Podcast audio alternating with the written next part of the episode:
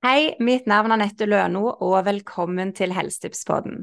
Dette skal være podkasten for deg som ønsker å leve et friskere liv med mer livsglede. Jeg undrer meg over det meste, og søker evig etter kunnskap og økt forståelse, spesielt når det gjelder kroppen vår. Og ofte når vi snakker om kroppen, blir òg sjel og sinn tatt med. Kropp, sjel og sinn.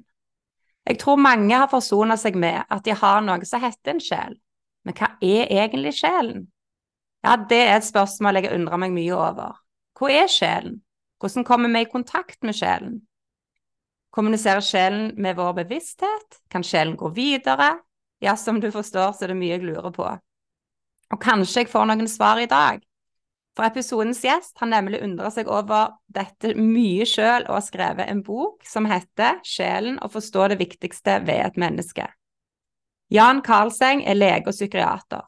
Etter over 30 års undring og utforskning om hva sjelen er, skrev han så boken om sin søken etter vår innerste natur. Et spørsmål Jan stilte seg. Har vi blitt lurt å glemme vår sjel, den klare bevisstheten i oss? Det sunneste, klokeste og mest spennende i alle mennesker? Karlsengs virkelighetsoppfatning ble snudd på hodet. Legevitenskapen og psykologien kom til kort. Han forsto ikke lenger noen ting og det fødte behovet for å finne en forklaring. Han ville utfordre legen og psykiateren i seg og tegne et større bilde av mennesket og virkeligheten. Det var da ordet sjel dukka opp, et ord mange bruker i dagliglivet. Men hva er egentlig sjelen? Hvor er han? Omfavner han oss? Og er det sånn at han har blitt lurt til å tro at personligheten var egentlig han? Resultatet av legens mangeårige undring ble boken om sjelen, og med boken ønsker han å utvide virkelighetsforståelsen vår, og at vi forankrer en forståelse av sjelen i vårt liv. Denne boka er forfatterens personlige historie, en verdinøytral naken historie om et utvidet syn på virkeligheten. Du inviteres til å bli med inn på en reise inn i sjelens storslåtte landskap, og her kan du la deg inspirere til egen undring. Vi får lese om møter med de vise, opplyste ved ganges bredder, og møter med Snåsamannen, om, om filosofer og forfattere. Velkommen, Jan. Takk, takk. Dette det er hyggelig å komme. Ja, ja. ja, det er så kjekt at du vil komme og snakke om sjelen. For eh, som sagt så har jeg undra meg veldig mye om hva er det egentlig? Og da blir jeg nysgjerrig på, for nå er du utdanna lege og psykiater og har masse kunnskap. Og hva fikk deg til å begynne å stille disse spørsmålene? Ja, nei, Det er et godt spørsmål. Det er en lang historie. Jeg skal prøve å være kort. Men uh, jeg har jo på en måte alltid vært en undrende gutt. da, og Fra tidlig av uh, så, så, sier studiekamerater og folk som gikk med meg på ungdomsskolen I dag er jeg jo 70 år, så, så, det er lenge siden. Men de sier at jeg har alltid undret meg. Så jeg har noe med i min historie. Og så traff jeg jo da Så gikk jeg på Etter at jeg tok medisinerstudiet i Oslo, så traff jeg da en kar som gikk på akupunkturstudiet med spanske leger. Og så ble jeg med der i mange år. Og så kom vi da fram til for en 30-40 år siden, i 1990, så var det en der som inviterte meg med til Snåsamannen. Og det var jo det som vippet det over til at jeg ble veldig undrende, for da opplevde jeg jo ting som var helt usannsynlig for meg som lege. For jeg opplevde at han kunne høre hva som folk snakket om på lang avstand.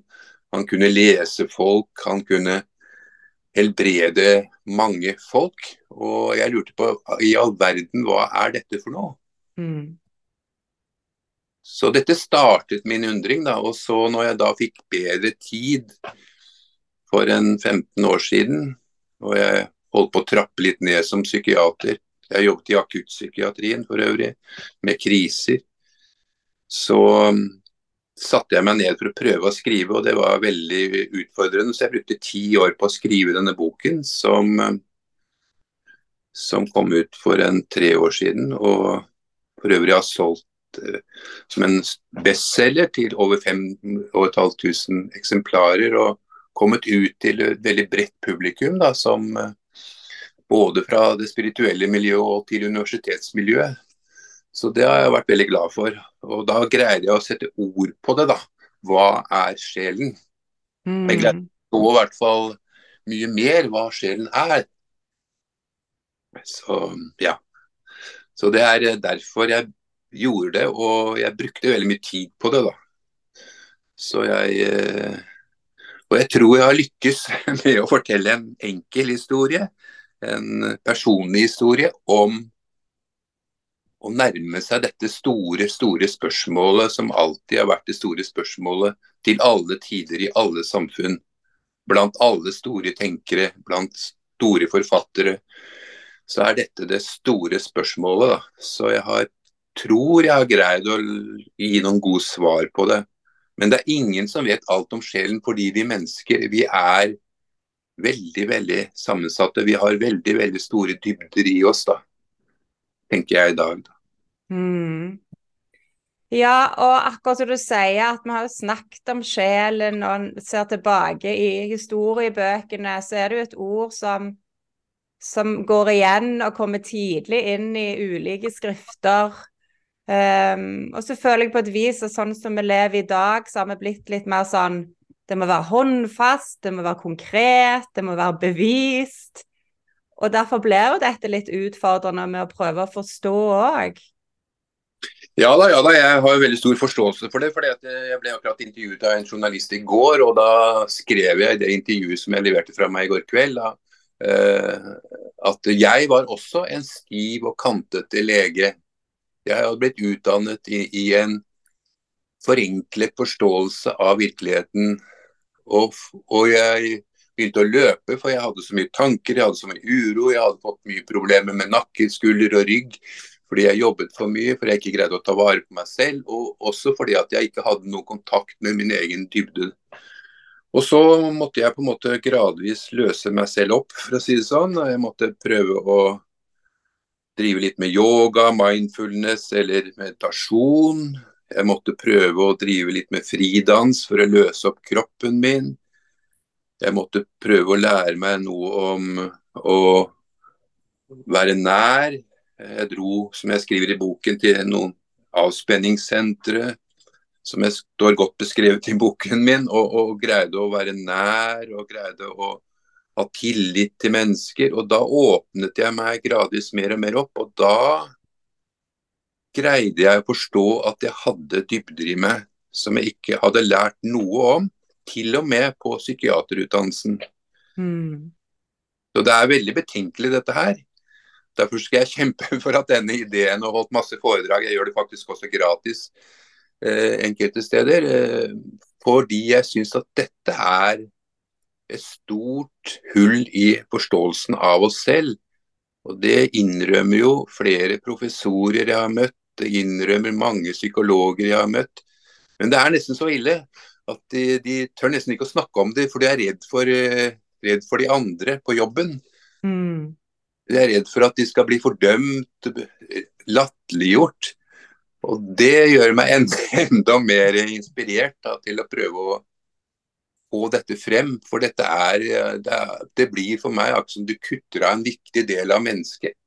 Og så unnlater du på skoler og universitet å snakke om en veldig viktig del av oss. Mm. Altså, du har jo hele gjengen med Sokrates, Nietzsche, de store forfatterne. De sier jo at dette er kjempeviktig.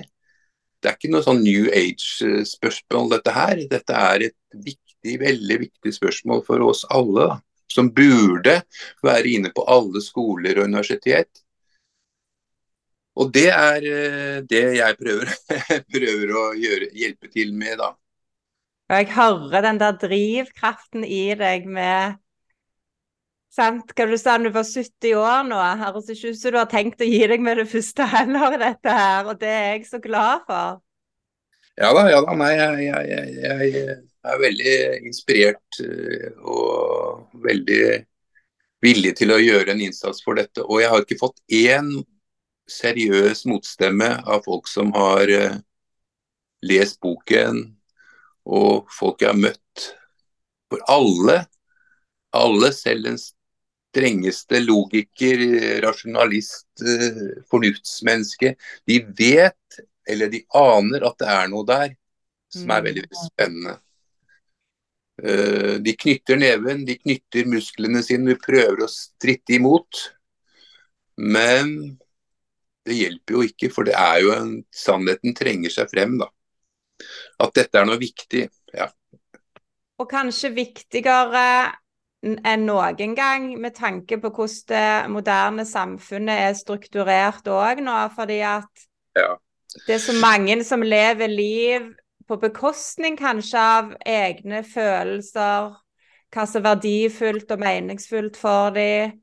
Um, og det der støyet som hele veien gjør at vi ikke kommer i kontakt med det der indre, da. Litt sånn som du sa, sånn som søker yoga, mindfulness, eh, fridans. Eh, det får løsne opp i disse spenningene for å få tilgang innover.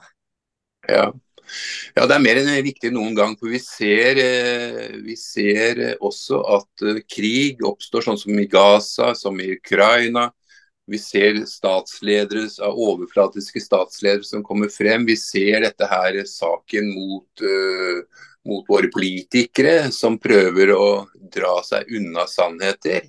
Mm. Så mer enn noen gang så er det viktig for at folk skal ha tillit og vokse fremover, at, uh, at dette dypet kommer i, fram i oss. fordi at Hvis dette dypet hadde kommet fram i oss, så hadde det ikke funnes noen krig.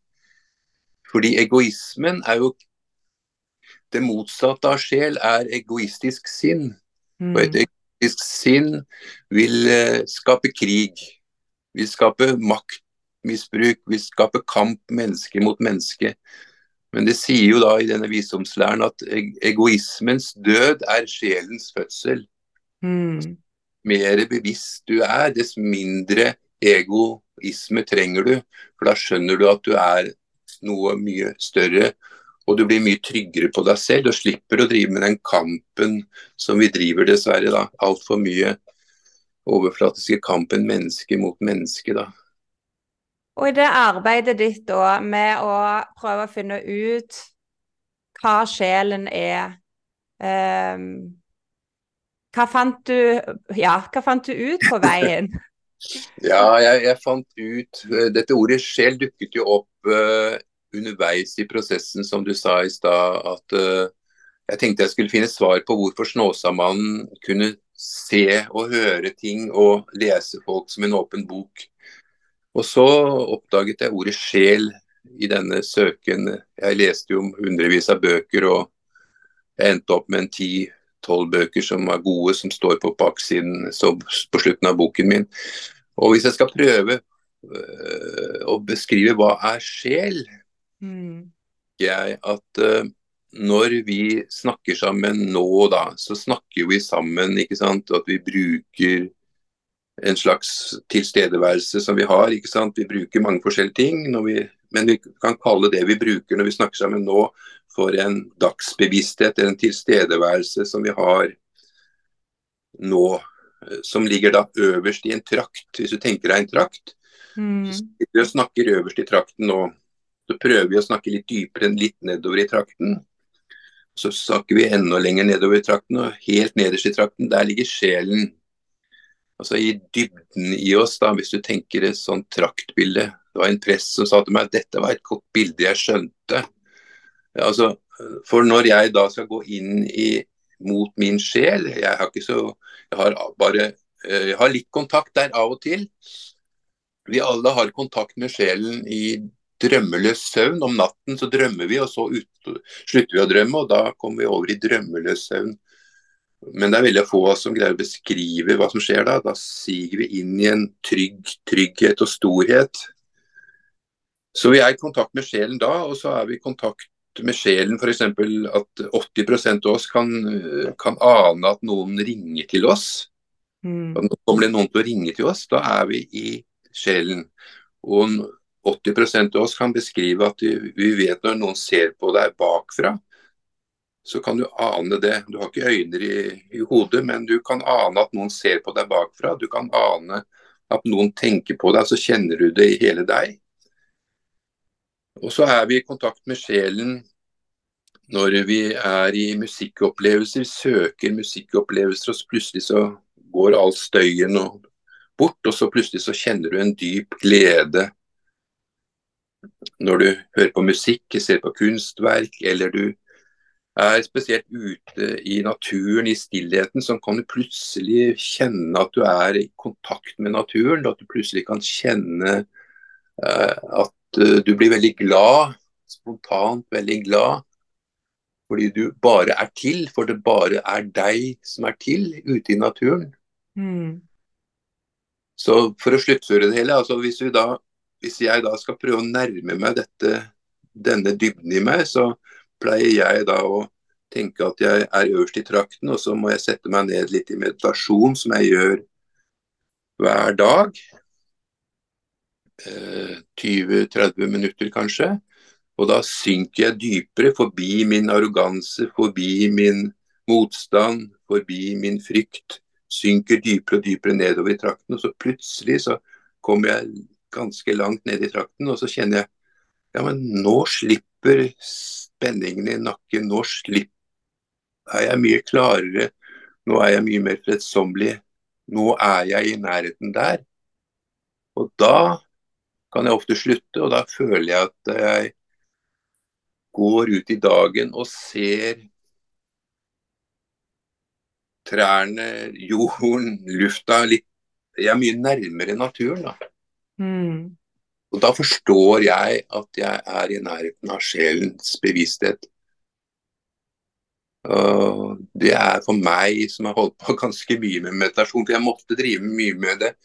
For det, jeg kunne ikke skrive den boken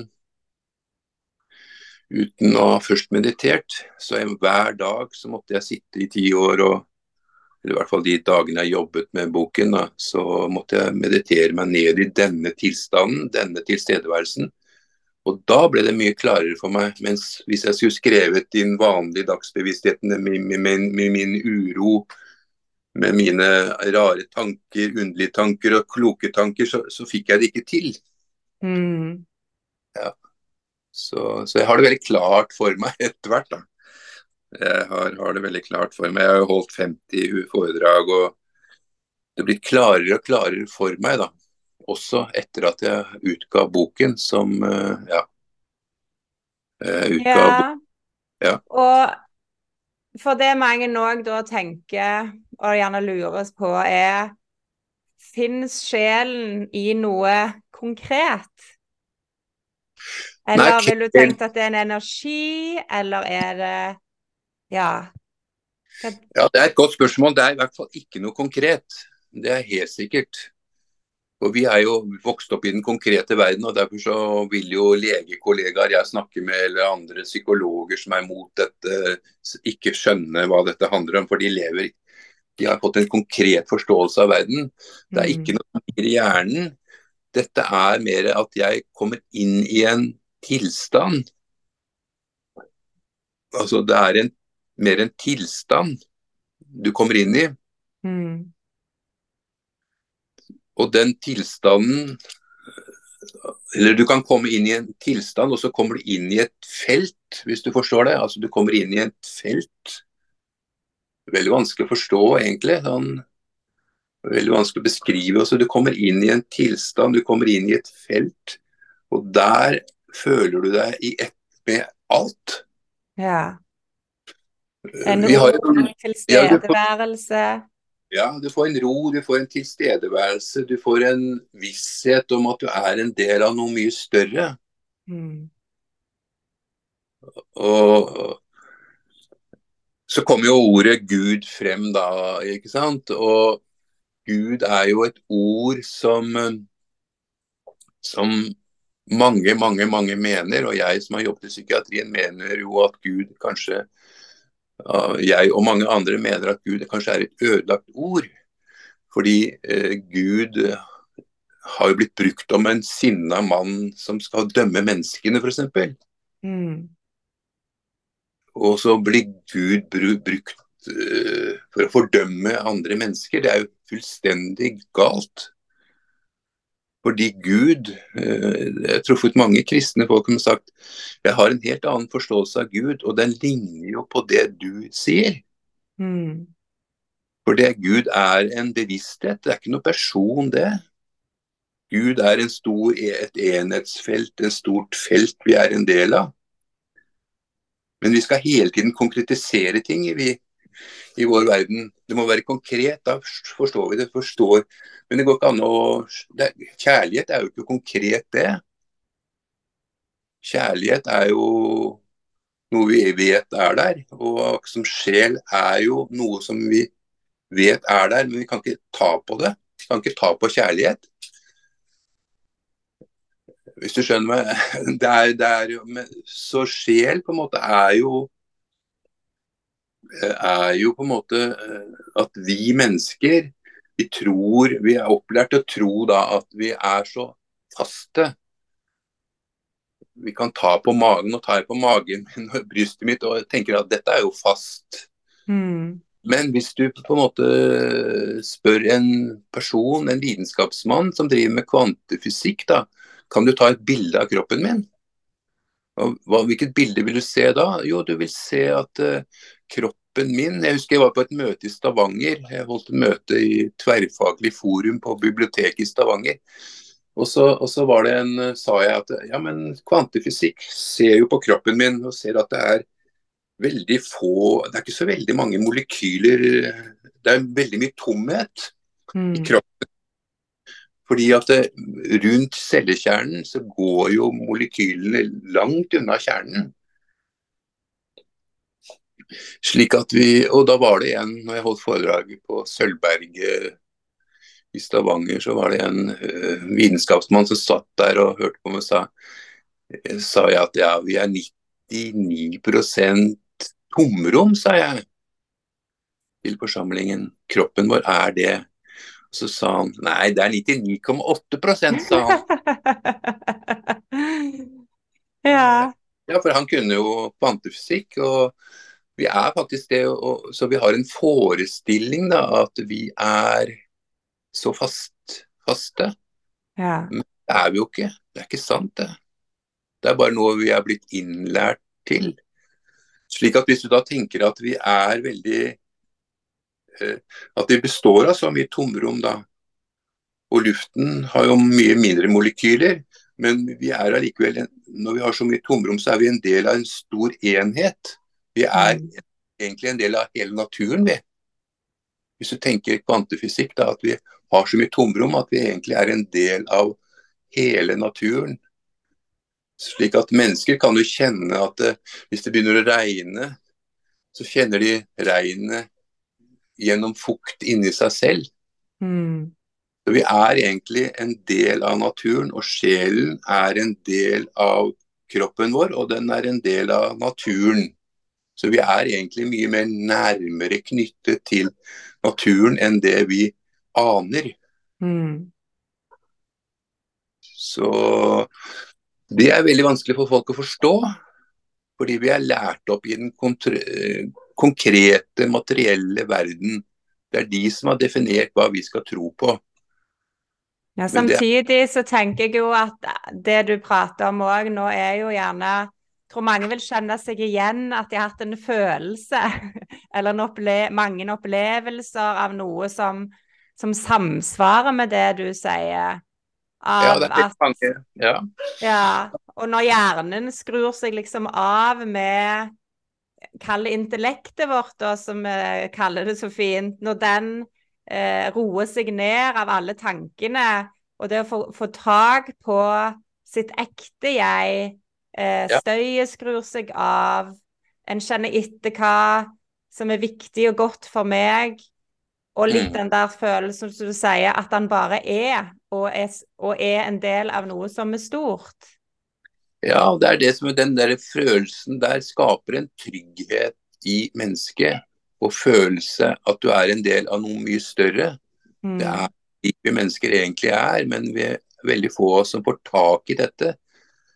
Og underveis når jeg skrev boken, så hadde jeg ikke den tanken, men nå har jeg fått den fordi jeg jeg har gått mange runder med meg selv. Det er ikke som folk må gå mange runder med seg selv for å forstå det. I hvert fall jeg som en sånn logisk mann. da.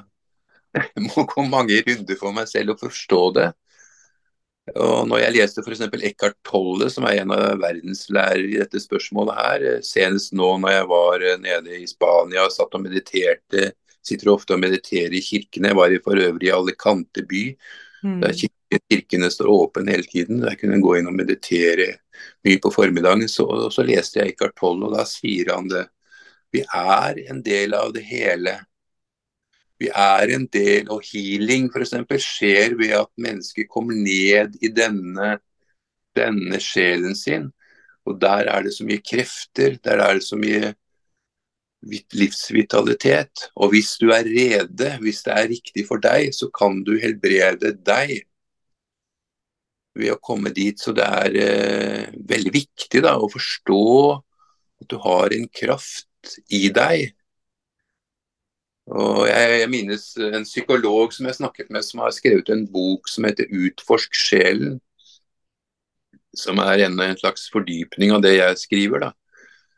Hun er en psykolog som bor i Oslo, og hun har oversatt Paul Bruntons verker. Og, og hun skriver også om, om, denne veldige dybden og denne enheten som vi er en del av. Og, og det hun tenker når hun nå er psykolog, hun tenker at du sitter foran folk som har veldig vonde traumer og vonde opplevelser, så tenker hun hele tiden jeg vet bak alle disse vonde tingene, bak alle disse vanskelighetene, så er det en kraft, en dybde i denne personen som kalles, kan kalles sjel eller klar bevissthet. Og denne kraften skal jeg prøve å lokke frem hvis mulig. Og det er en trøst for meg som psykolog å vite at det også eksisterer at det er et håp der, da. Selv for den vanskeligste, da. Uh, ja, så og det slår meg jo litt, for vi jo, bruker jo ofte Eller ordet sjelefred blir jo brukt. Og ja. det er jo kanskje den dype tilstanden en kommer inn i og får tak på da. Ja. For vi får jo ikke tak på, på uh, inn, ja, kontakt med sjelen hvis vi har for mye støy? Nei, det er nettopp det. og det er det, derfor jeg sier at jeg må på en måte prøve enten gå med en lang tur i skogen eller, eller uh, høre på noe musikk. Men oftest så må jeg da sette meg ned og meditere, og da kan jeg i løpet av kort tid, eller kan drive med yoga eller mindfulness, altså kort tid komme bort fra den støyen i, i, i hodet, alle tankene, alle ideene, og gå dypere. Og så kommer man ned mot det som jeg prøvde å beskrive i stad, som en sjelefred. Ja, og jeg har jo sett inn mot forskningen på det med altså den dype søvnen og dyp meditasjon av de deltabølgene da i hjernen. Mm. Ja. Sånn at når vi er helt nede i ro, det er det som påkreves for å få kontakt med det, da? Ja. ja. Ja da, ja da. Nei, jeg har eh, Jeg kan Skal vi se, jeg greide Jeg ble akkurat intervjuet en journalist her, så hadde jeg vel kanskje noe En som prøver å beskrive det. Skal vi se om jeg finner det, da. Um, skal vi se Det der. Ja, det er en som prøver å beskrive det på følgende måte. En kjent amerikansk forfatter som, er, som kan mye om dette, sier det er selve mysteriet og tomheten bak som må fattes. Ikke som forstått, men som følt. Ikke som prinsipp, men som pust. Ikke som struktur, men som stemning. Ikke som leksjon, men som liv. Mm. Veldig dypt, dypt utsagn, men som det er noe bak, ikke sant, som må fattes med følelser, Ja. Og det er dette som kommer til oss alle mennesker, da, enten vi vil eller ei, på en måte da, og som uh, er viktig for oss. Ja, tenker du at det er bare menneskene som har dette, eller alle levende organismer? Alle levende organismer har det, på en måte. Det har det absolutt. Jeg har en hund hjemme som vet uh, som vet når jeg kommer hjem. Og jeg skrev også i boken om en Englands mest kjente hundetrener sa det er jo selvsagt at hundene har telepati. De leser tankene mine før jeg sier det. Og de er i dette sjelelige rommet det, det, er det helt sikkert. Og, og store fuglestimer flyr i flokk med en millimeters avstand, en centimeters avstand. De er en del av en enhet. Fugler finner fram, øh, fram på 1000 mil omtrent. Og sommerfugler flyr fra Nord-Amerika til Sør-Amerika. Altså, de er en del av dette feltet, dette enhetsfeltet, dette skjellige feltet, alle dyrene. da. Mm. Det er de menneskene som prøver å stritte imot, helt til vi til slutt må gi opp. da, og, og ja, så er det noen som prøver å forklare det med at det er et instinkt, men hvordan får de tak på det instinktet? For det er jo ikke nettopp det du sier, at han er i et felt sånn eh, En bare forflytter seg, for det er det en skal, da. Ja, og det er en vitenskapsterm ikke sant, som biologien har med instinkter og sånt. og Det er jo selvfølgelig riktig på en, en måte, men det er, har ikke noe dybde i seg, det, den bruken av ordet instinkt, tenker jeg i dag, da. Og der har jo jeg, jeg har vært, uh, gått på kurs med Audun Musja i mange, mange år. Og han er jo òg opptatt av meditasjon og ja, ja. Uh, øver meg mye på meditasjon på egen hånd. Og jeg, det jeg har iallfall erfart, er jo at det, jeg får større tilgang på litt av det som du beskriver når vi mediterer i fellesskap. Ja, det gjør det. Det blir mye sterkere, det blir kollektivet blir mye sterkere. Du kjenner det på en måte du kjenner det på en måte i, i rommet. Du kan ikke beskrive det ordentlig, men det er, det er, der på en måte, da.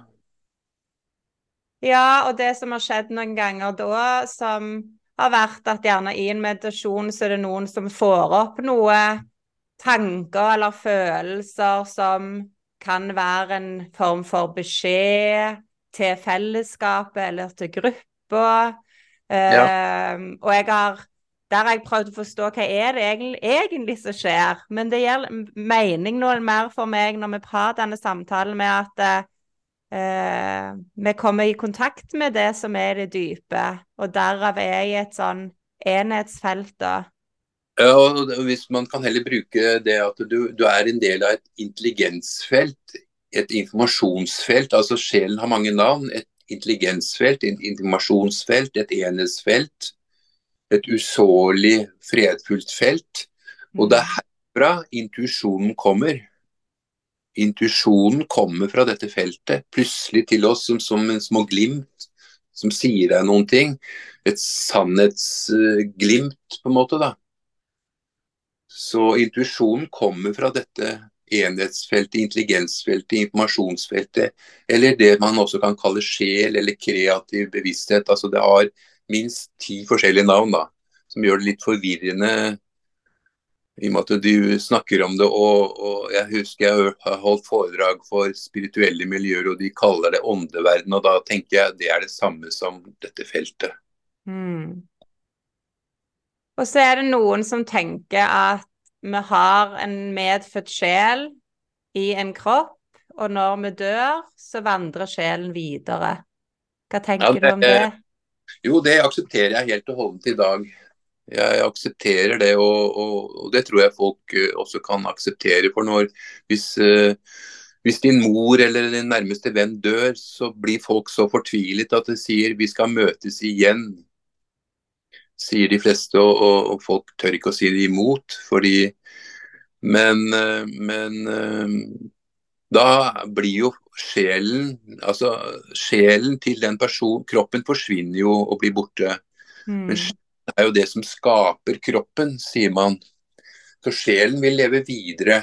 Og når jeg går til min mors grav, så snakker jeg med min mor i dag. Og jeg tør å si det, jeg tør å gjøre det, jeg tør å snakke med mine legekollegaer om det. Og de sitter og ser på meg og ja, vet ikke helt hva de skal tro. Men eh, jeg er sikker på at jeg snakker med min mor og, og føler det, og føler det som en trøst og en viktig ting i mitt liv, da. Mm. Akkurat som eh, folk sier, altså hvis de plutselig mister en kjær, så vi møtes igjen. Eller de mister en hund, eller mister en katt. Vi møtes igjen. Ja. Mm. Det er veldig viktig, og sjelen bare forsvinner. Og så spør sånn ingeniøren som jeg treffer nede i gata her, og sier ja, men hvor forsvinner den da? jo, men sant, sjelen blir en del av denne enheten som er rundt oss, dette enhetsfeltet Den, det blir den. Og, og, og, så tror jeg også, som, som 80% av jordens befolkning, jeg tror at vi kommer tilbake igjen. For hele vitsen med våre liv er at vi skal lære noen ting. Vi skal forstå. Mm. Og når jeg jobbet sammen med spanske leger, så snakket vi om reinkarnerte sykdommer. Som vi skulle prøve å ordne opp i, som kanskje var preget i dette livet også. Så dette bildet er mye større for meg i dag enn det jeg lærte på legestudiet i Oslo. Mye, mm. mye større.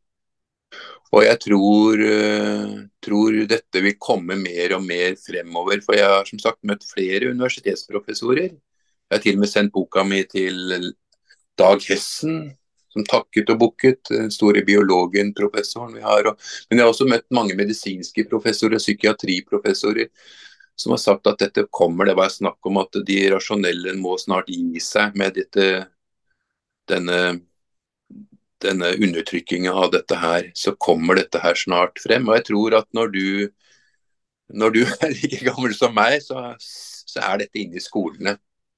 Ja, det håper jeg på.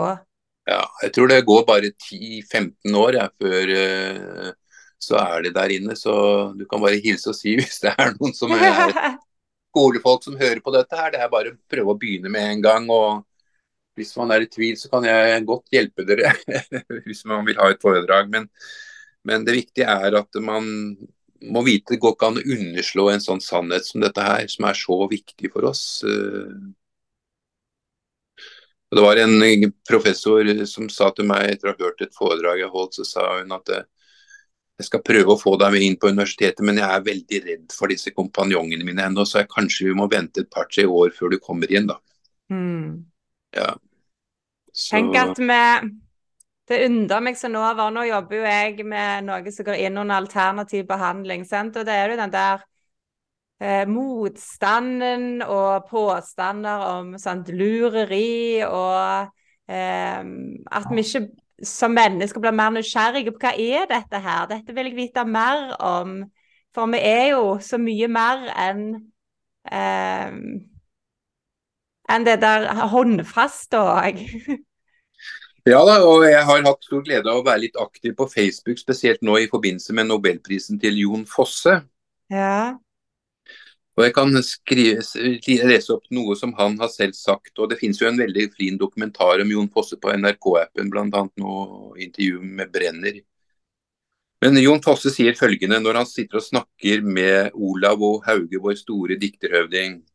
Så sier Fosse jeg merket at når jeg skrev, var det ikke jeg som skrev. Når jeg får det til, er det liksom ikke jeg som skriver. Hva jeg er i nærheten av, kan ikke forklares. Her er krefter og sammenhenger, noe som snakker om livet som er ubegripelig. Om en innser det, har en fått et undringsperspektiv.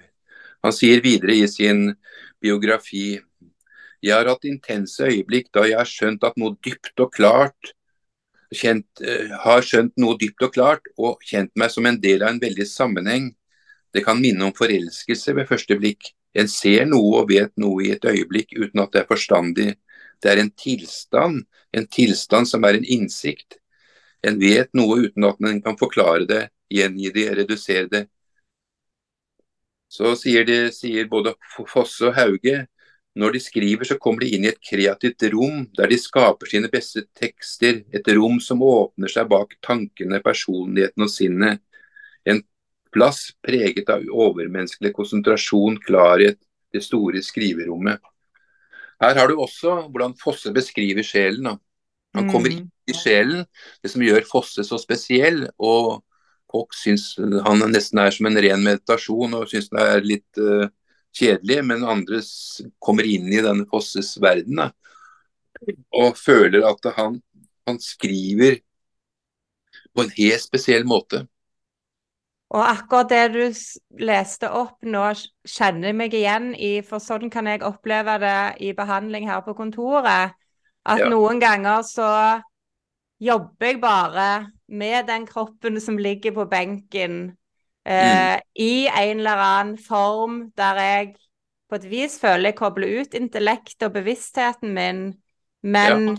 eh, jobber i noe Og noen ganger da kan jeg òg få tilgang på noe informasjon som verken er sagt eller blitt fortalt, eller eh, Og nesten sånn ut fra det vi snakker om nå, eh, får jeg litt sånn tolkning på at eh, kanskje det er sjel til sjel da, i et arbeid.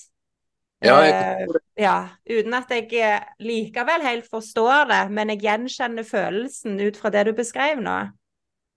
Ja da, jeg tror det. Som også han Eckhart Tolle sier, at, eh, at, eh, at en terapeut, sånn som du da, kan plutselig åpne opp dette rommet for klienten. Og da får du tilgang på informasjon fra dette informasjonsfeltet, intelligensfeltet, som er sjelen. da. Mm. Så det er veldig spennende det der, og det er veldig viktig å være ydmyk og gi seg på en måte over på, til noe stort. Det er sånn jeg lærte noe av de spanske legene om å komme inn i sjelen. Altså. Den gangen så trodde jeg ikke så mye på det, men i dag så vet jeg jo at jeg lærte dette. Og det bruker en del år på å ta det inn i meg og forstå det ordentlig. Og det handler om en slags eh, at mine spenninger må løses opp. Jeg må åpne hånda og gi meg over og slippe meg bort fra denne motstanden. Og så bare tenke at, at det er en sjel der som har intuisjon. Og, og denne sjelen har også en god kraft, sånn som Nåsamannen snakket om. Den gode kraft er det samme som nåden. Så hvis du forholder deg til denne sjelen din mye mer, setter mye mer oppmerksomhet mot den, så kommer nåden tilbake til deg, den gode kraft som Snåsamannen snakket om. Ja, men du starta jo litt med det med For det får meg nysgjerrig på om i denne her undringen av arbeidet ditt, har du klart å forstå hvordan Snåsamannen klarte å helbrede eh, ja. Ja da, jeg skjønner det i dag. Eller jeg skjønner i hvert fall så godt jeg kan, da. Eh, Man skjønner jo ikke, selv Snåsamannen skjønte jo ikke dette. For det er nesten så ufattelig stort, dette vi sitter og snakker om nå, da. Men jeg skjønner jo at han kunne si til meg at ja, nå skjedde det en ulykke på andre siden av dalen her. Og så var det riktig. Fordi han hadde evnen til å komme inn i dette informasjonsfeltet, intelligensfeltet, altså sjelens felt. Og da er du en del av en stor enhet, og da kunne du lese hva som skjedde på andre siden av åsen. Mm. Og så, og så kunne han f.eks. si til en person som kom oppover, jeg, det var en, en person jeg kjente godt til, det kom en, en mann der som, som var veldig tvilende, han hadde en hjernesvuls. og så sier Snåstadmannen, jeg ser at du er tvilende, men skal jeg fortelle deg litt om barndommen din, som skjedde oppe i, si da, i Sandnessjøen da. Ja, så, så fortalte han om den stranda der mannen bodde, hadde vokst opp, på den lille stranda der det satt på den steden. Husker du ikke det? Og mannen ble helt himmelfallen. Ja, og skjønte plutselig at, at han så stranda der han vokste opp. Og han ble for øvrig my- mye bedre en god stund, i hvert fall sju-åtte måneder til, til han fikk tilbakefall og døde. Da. Men dette, han ble veldig mye friskere, men, men han skjønte jo og Snåsamannen, hvordan kunne han lese denne personen? Jo, da igjen at han har evnet fort å, å komme ned i sjelens store informasjonsfelt. Og ut fra det informasjonsfeltet, som du også sier, så kommer det opp opplysninger plutselig til Snåsamannen om denne mannens liv. For alt ligger lagret i dette informasjonsfeltet. Så han tok informasjonen fra informasjonsfeltet Snåsamannen og ga det videre til mannen.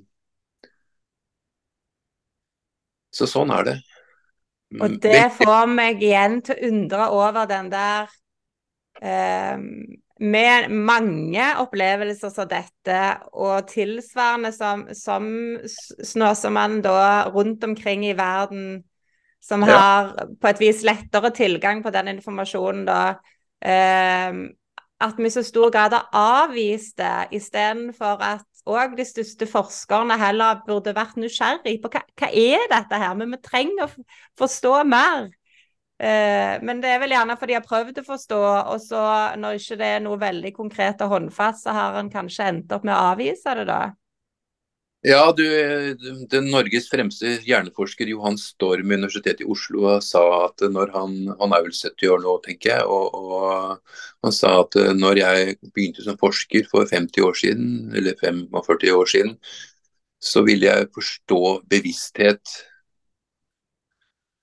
og, men det de gjør da, det er at de forsker på mikroplan oppi hjernen, og da finner de det ikke ut. og Derfor så ga hjerneforskerne opp dette å forstå bevissthet, for de er liksom opptatt av at det bare skjer i hjernen. Men det mm. er, det er ikke der det skjer. Det skjer selvfølgelig, Hjernen er involvert i det, men det skjer i det at vi er en del av noe så mye større. Mm. Så Derfor finner ikke forskerne ut det, og derfor har de gitt opp å forstå bevissthet. Da. De forstår ikke at jeg kan sitte her og være bevisst. For de tror det alt skjer oppi hjernen, men det er jo ikke slik.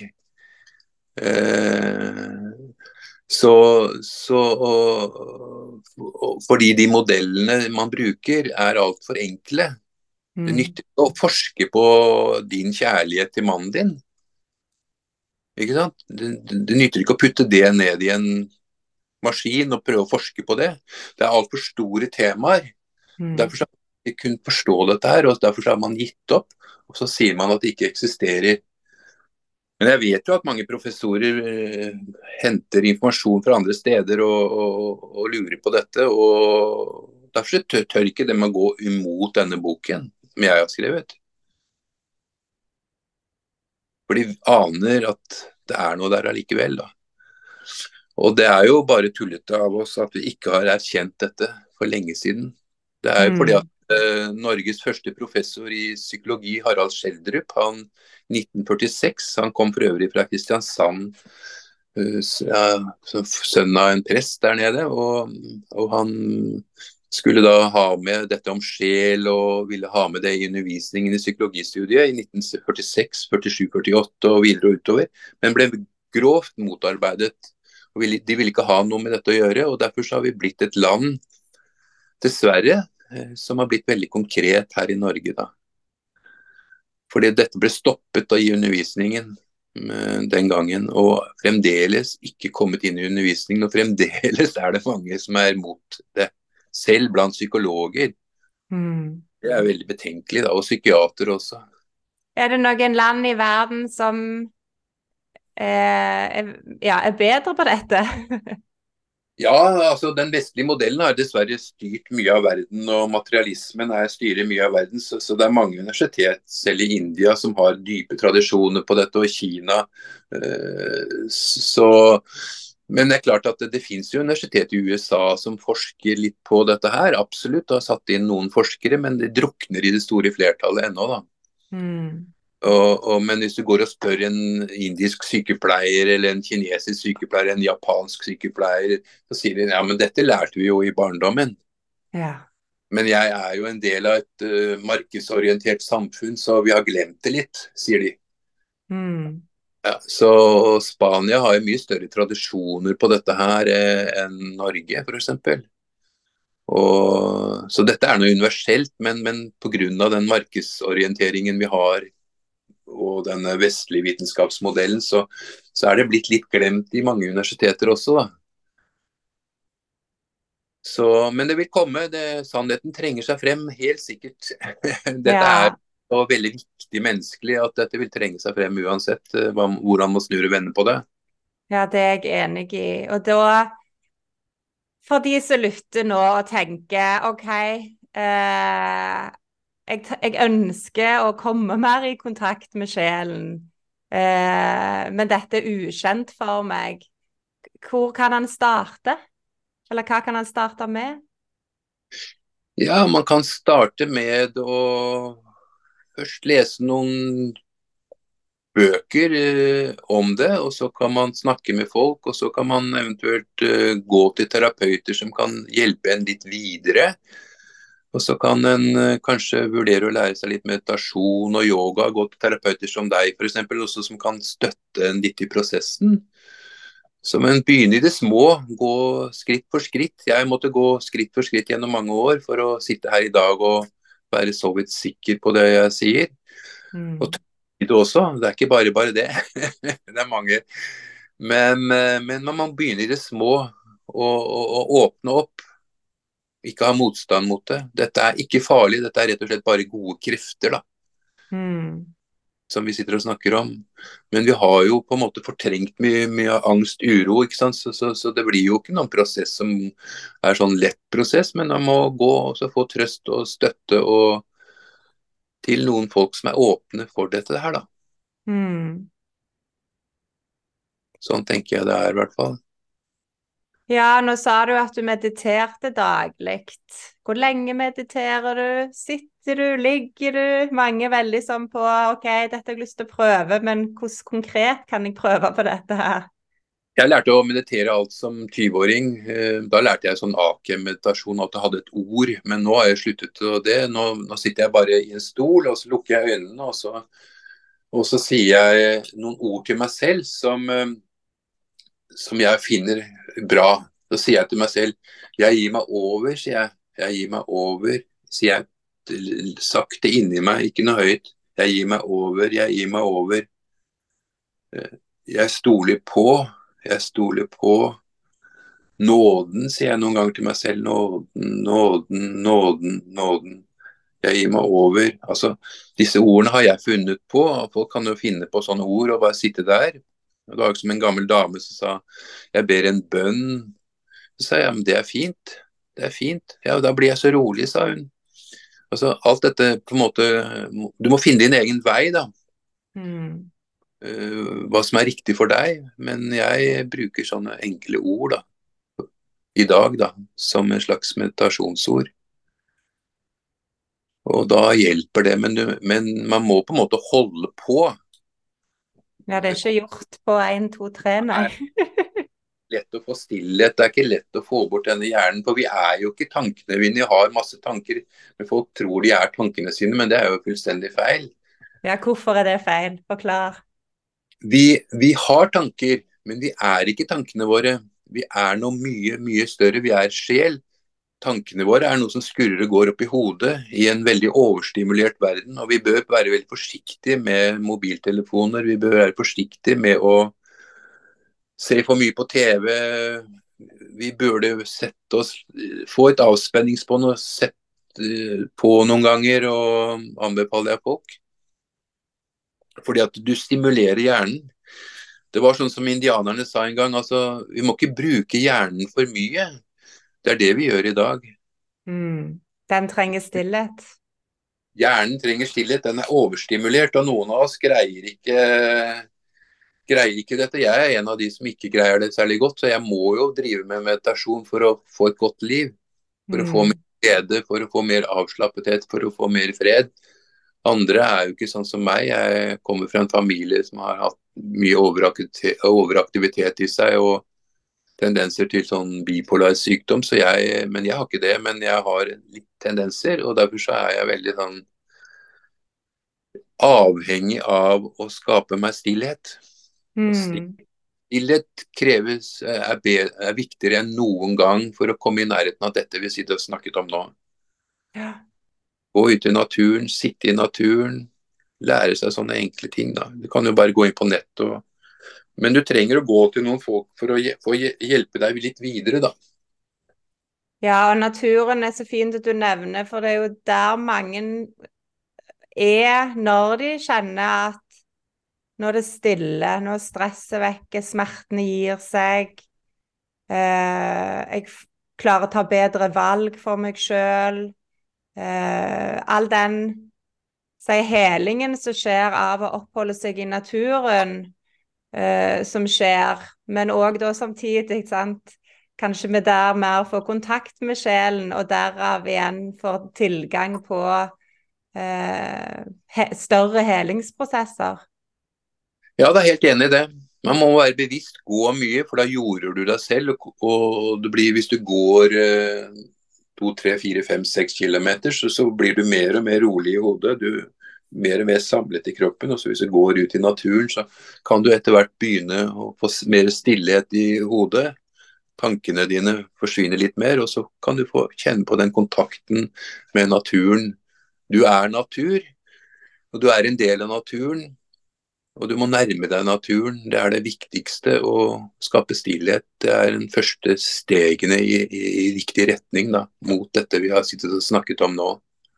Ja, og igjen ta bevisste valg. For jeg leste en artikkel, og jeg har ikke sjekket om tallene stemmer, men det som sto var at det, i 2050 så kommer 90% av verdens befolkning å bo i by.